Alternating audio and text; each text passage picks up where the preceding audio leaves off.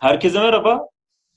Sürekli sizi NBA başlıyor mu? Koronavirüse kim yakalandı ve e, hangi takımlar NBA'ye devam edecek tartışmasından kurtarmak için bugün biraz geçmişe doğru gidelim dedik. Yeni bir dosya konusuyla birlikteyiz. 2004 yılındaki The Malice in the Palace yani 2004 Kasım'ındaki Pacers Pistons maçına gidiyoruz.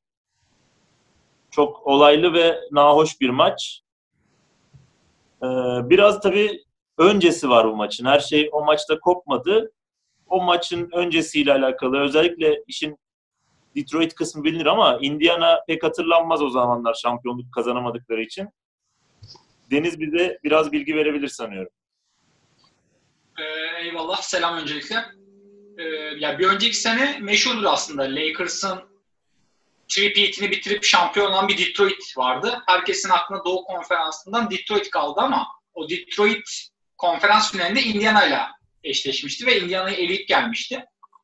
O Indiana'da aslında sezon içerisinde 61 galibiyet alan normal sezonu en yüksek galibiyetle bitiren takımdı. Rick Carlisle'ın kurduğu Jermaine O'Neal, e, veteran Reggie Miller, Ron Artest üzerinde bir takımdı.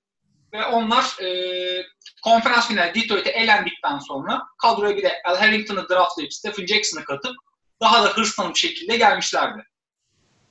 E, ligin 9. maçına geldiklerinde geçen sene konferans finalinde eşleştikleri ve elendikleri Detroit'e bilenmişlerdi ve 6-2 ile gene kendi konferanslarında lider durumdalardı. Yani maç zaten aslında birkaç ay öncesinden bir gerginliğe gebeydi.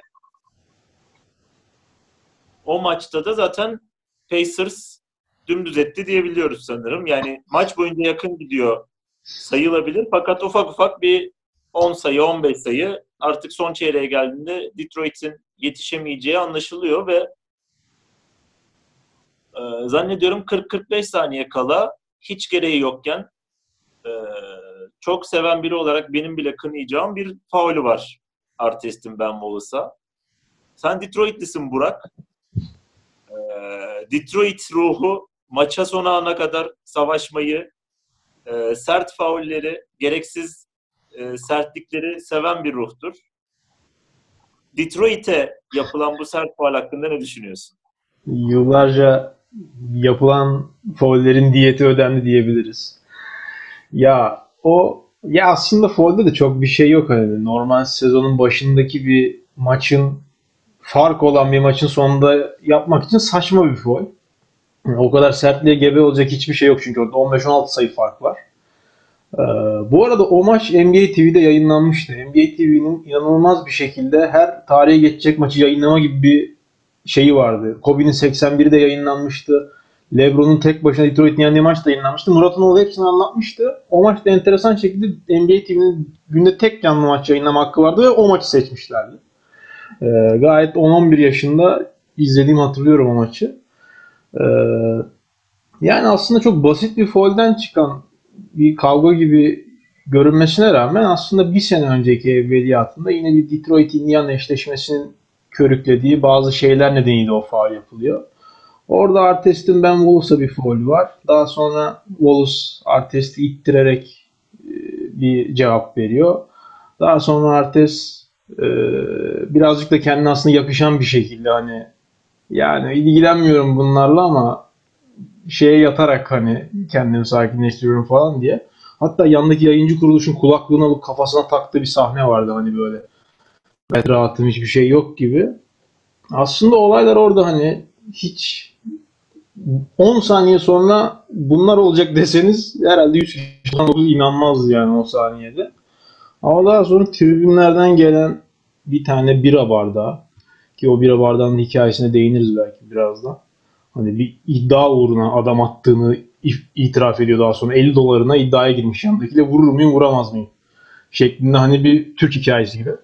Ee, hani Reggie Miller'ın da orada Artest'i sakinleştirip hani bir şey yok tarzı hareketleri var ama gelen o bir bira bardağıyla beraber hiç daha önce görülmemiş şekilde oyuncuların tribüne dalması ve tribündeki taraftarlarla yumruk yumruğa e, bir dövüşünü izlediğimiz tuhaf bir şey haline geliyor maç bir anda.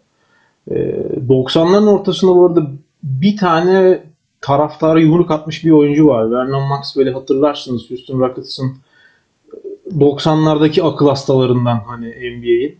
E, Artest'ten önceki Artest diyebiliriz. Bir Portland deplasmanında tribüne çıkıp tam yumruk olmasa da taraftarın bir tanesine çakıyor ve 10 maç ceza alıyor. Bu ondan sonraki kat kat kat daha da fazla şekliyle bir e, tekrarı gibi oluyor aslında. Hani o güne dair hatırladığım aslında Artest'in çıkıp daha sonra Stephen Jackson, daha sonra Fred Johnson tüm Indiana'nın neredeyse çıkıp Detroit'lerin ve Rashid olsun özellikle uzaktan ya sakin olun ne yaptınız tarzı e, hareketleriydi. Hani siz neler hatırlıyorsunuz?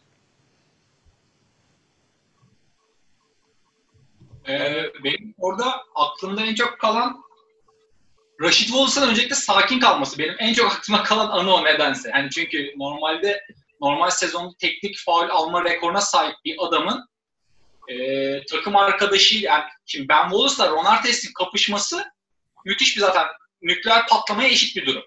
Ortamda bir de Rashid Wallace var ve sakin kalıyor. Yani Allah korumuş. Yani orada olaylar çok daha betere gidebilirdi ama Rashid'in sakin kalması çok ilginç bir detay bence orada. Onun dışında geçenlerde Stephen Jackson e, bir pod, kendi podcastinde de bahsetmişti zaten anlatırken gördüm. Şeyden bahsediyor. Ben Wallace'ın o olaydan birkaç önce annesi vefat etmiş. Yani biliyoruz diyor. Ve ben diyor hani ben olsam asla o maçı oynamazdım diyor. Yani oynamaması gereken bir maçı çıkmıştı diyor. Ve e, Ron zaten Detroit'e bilenmişti. Maçı kazanırken hatırlıyorum diyor. Jamal Tinsley'in yanına gidip şey demiş. E, o geçen sene sana olan borcu olan faul vardı ya tam sırası demiş. Yani maç bitmek üzere 2 dakika var. 15 küsur sayı fark var. Ve Ron Artest gerçekten Stephen Jackson Ben Wallace'ı savunurken hücum etmesine müsaade ediyor. Ya diyor maç bitmiş ne olacak iki sayı daha yiyelim yani. Hiç gerek yok. Ron Artest gerçekten geçen senenin intikamını almak için gidip orada faal yapıyor. Ve sonrası zaten Ben Wallace'ın tepkisini hatırlıyorsunuz değil mi? Hani korkunç bir tepki. Yani sana bana yapsa büyük olasılık ölürüz. Ben Wallace cüssesinde bir adamı çifte ittirme hareketi var. Rashid Wallace'ı geçtim. Sonrasında Ron Artest'in sakin kalması da müthiş olay bu arada. Yani Ron Artest'in o anlattığın kulaklık takma hikayesi. Bildiğim kadarıyla Indiana Broadcast'ini dinliyor orada.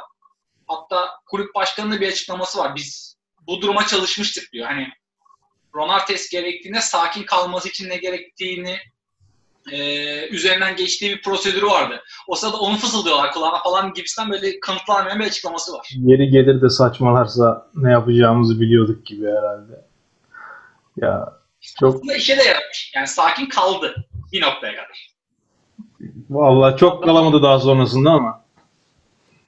Ben şey noktasına biraz e, nasıl diyeyim kelebek etkisi diyorlar ya işte az evvel bahsettiğim mesele Deniz'i. Stephen Jackson'ın söylediği işte Ben Wallace'ın annesi ölmüştü.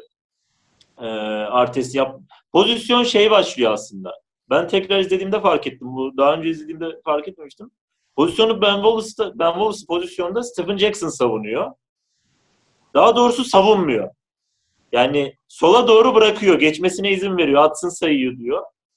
Şeyi kuruyorum kafamda ister istemez. Yani orada Stephen Jackson geçirmese Ben Wallace'ın karşısına kaysa belki bunların hiçbirini yaşamayacağız. Artest o faul yapmanın fırsatını bulmayacak. Zaten sonucu maç orada bitecek ve e, tarih başka bir yöne evrilecek.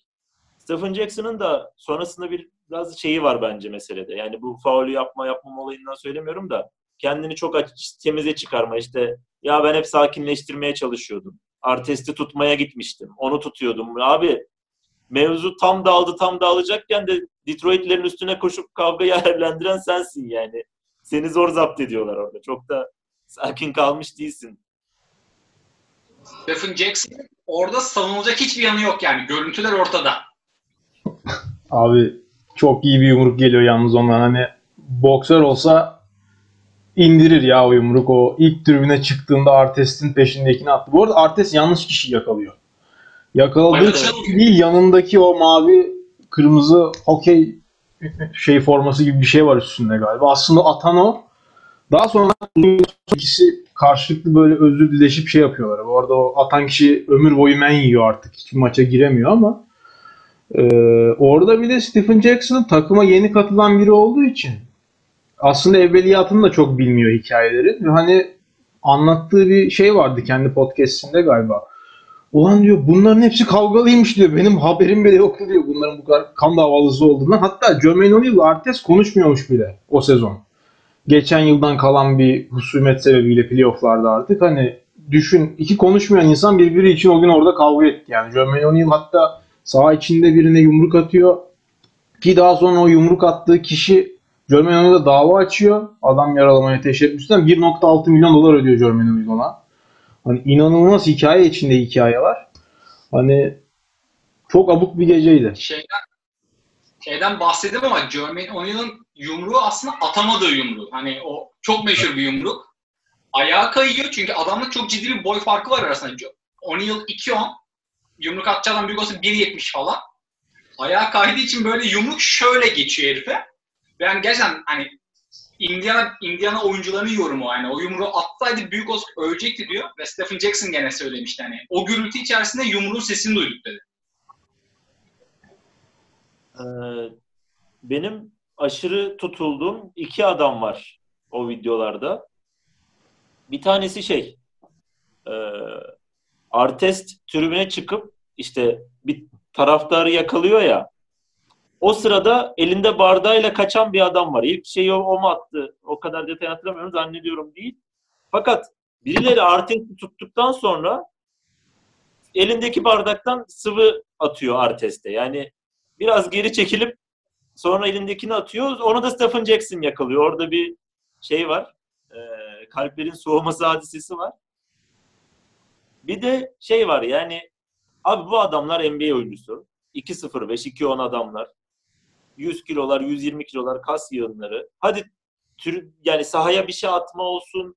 O hadiseler yaşanıyor bunu biliyoruz. Hiç her taraftar o moda girebiliyor da. Adamlar tribüne gelmiş.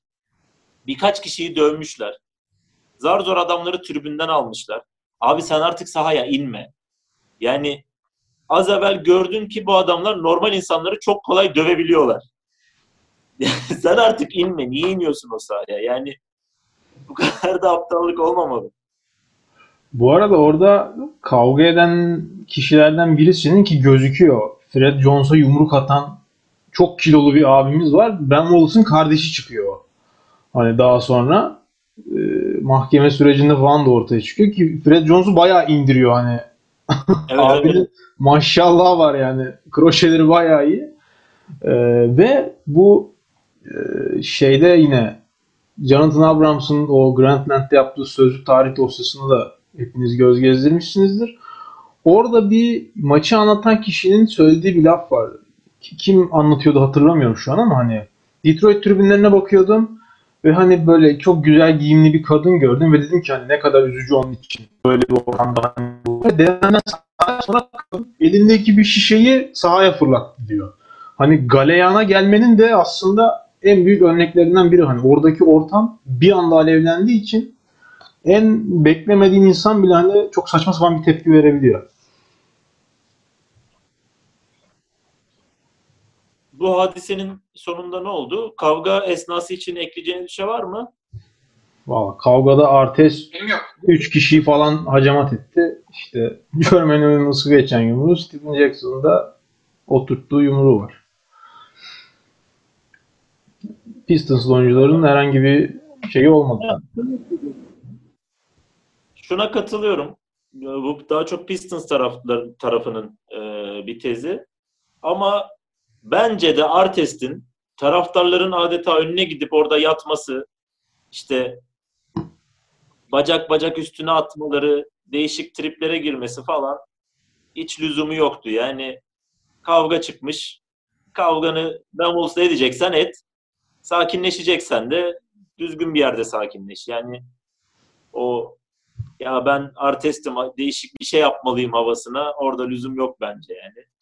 Bu arada şeyi de sanırım o işte kulaklığı alma sebebi işte artık yayına mı salona mı bilmiyorum bir şeyler söylemek istiyor. Ne söyleyeceğini bilmiyorum da e, lüzumsuz bir hadise. Olayın sonunda ne oldu? İnanılmaz cezalar geldi. Bence bir şekilde aşırı cezalar geldi. Şundan dolayı aşırı cezalar diyorum. Ee, olayın taraflarından bir kısmı olan işte Pacers oyuncularına meslekleriyle alakalı bir ceza verebilirken diğer tarafı diyelim Pistons taraftarlarına onları çok da etkilemeyecek cezalar vermek durumunda kalıyorsun. Çünkü ne yapabilirsin? Yani e, biri senin organizasyonun adamı, diğeri değil. Ee, özetlersek hızlıca isterseniz ezberimden saymayayım. E, net söylemiş olayım. Ron Artest sezonu kapattırıldı. Sezon kapatıldı direkt. Yani şey maç sayısı belirtilmedi. Playoff'larda. Playoff'lar dahil 86 maç olmadı. Oynayamamış oldu. Stephen Jackson 30 maç. Jermaine O'Neal 15 maç. Ben Wallace 6 maç. Ee, Anthony Johnson 5 maç. Reggie Miller, Billups, Derek Coleman, Alden Campbell birer maç ceza aldılar. Burada tabii en önemlisi nispeten önemli olan bir Stephen Jackson ve Jermaine O'Neal var. Fakat Ron Artest'in e, sezonu kapatmasıyla Pacers'ın o sezonu bitti diyebiliriz. Öyle diyebiliriz. O sezonu bitti. Zaten e, önceki sezonun normal sezon birincisi bu maça gelindiğinde gene kendi konferansın birincisi olan Pacers bayağı iddialıydı. Yani biz şampiyonluğa gidiyoruz. Doğru parçaları kurduk. Takım yerinde hatta Reggie Miller'a emekli olacakken bir senelik ekstra sözleşme veriyorlar. Abi bak takım güzel. Sen de dur hani ver katkını belki bu sene o senedir gibisinden. Hakikaten benim bu hadiseyle ilgili hatırladığım konulardan bir tanesi de odur yani. Reggie Miller'ın son senesini hiç eden bir olay bu. Yani hiç kimse hatırlamaz Reggie Miller'ın son senesini. Çünkü Indiana Pacers'ın kendi kendini yaptığı sene. Ee, ya aklıma şey geldi. Sen az önce bahsederken kulaklık hadisesiyle ilgili.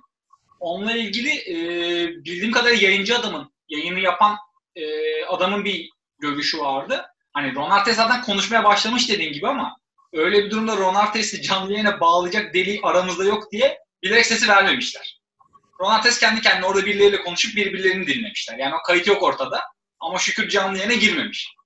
Yani cezalarla ilgili Detroit kısmında dediğim gibi zaten etkilenen bir şey olmadı. Ben Wallace o sene yılın defansif oyuncusu seçildi. Ki gördüğümüz gibi kendini koruyabilen bir abimizmiş. Hani burada başlayan sezonu yılın savunmacısı olarak bitirdi. Ee, Detroit gene playofflarda, finallerde yapacağını yaptı. Hiçbir etkilenmedi desek yeridir. Hatta en büyük rakibini eledi aslında bu olayla. Muhtemelen. Aslında o playofflarda Indiana Detroit yarı finallerde tekrar eşleşiyor ama tabii Artes olmadığı için hani bir tık aşağıda kalıyor ve seri 4-2 bitiyor. Hatta Reggie Miller kariyerinin son maçında bayağı iyi oynamıştı hatırladığım hani bakmadım şimdi ama 20 küsür sayı atıp playoff maçında emekli olmak da cidden iyi bir bitiriş yani. Ben cezalarla ilgili çok kısa şunu diyeceğim. Aslında bu hani maçın yansımalarının ne kadar hani e, büyük olduğuna dair birkaç tane örnek var.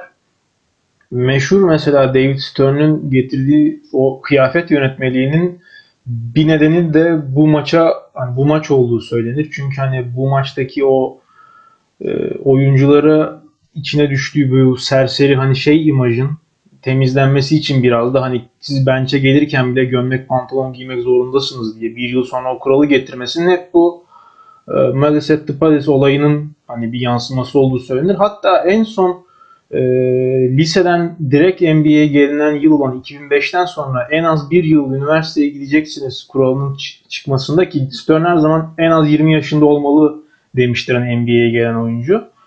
Hani liseden NBA'ye gelişin önüne bir çizgi koymasının da bir nedenlerinden birinin bu maç olduğunu hep söyler. Çünkü hani aslında çok birebir doğru olmasa da Jermaine O'Neal gibi, Stephen Jackson gibi koleje gitmeden NBA'ye gelmiş oyuncuların böyle bir işe karıştığı için Stern'ın her zaman ya liseden çıkmış 17-18 yaşında bir çocuk NBA'de ne yapacağını bilemiyor olabilir.